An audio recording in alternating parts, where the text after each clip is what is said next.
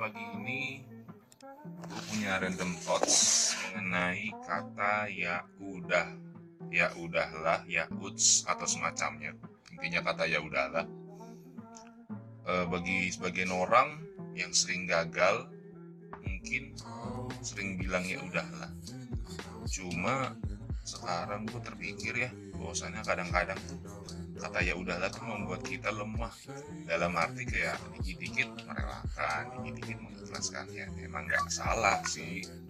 It's not wrong at all but sometimes I feel like this word is fucking make you weak. You know what I mean? Membuat kita lemah membuat kita pasrah membuat kita kadang tolol banget gitu dan lemah.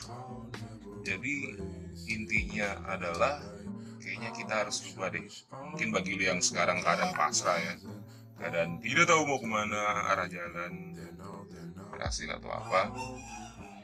Kita sama-sama yuk rubah mindset yang tadinya ya udahlah ikhlasin aja jadi. Ayo kejar lagi tolol lu masih panjang jalan lu masa segini doang anjing? Kita kejar. Nah itu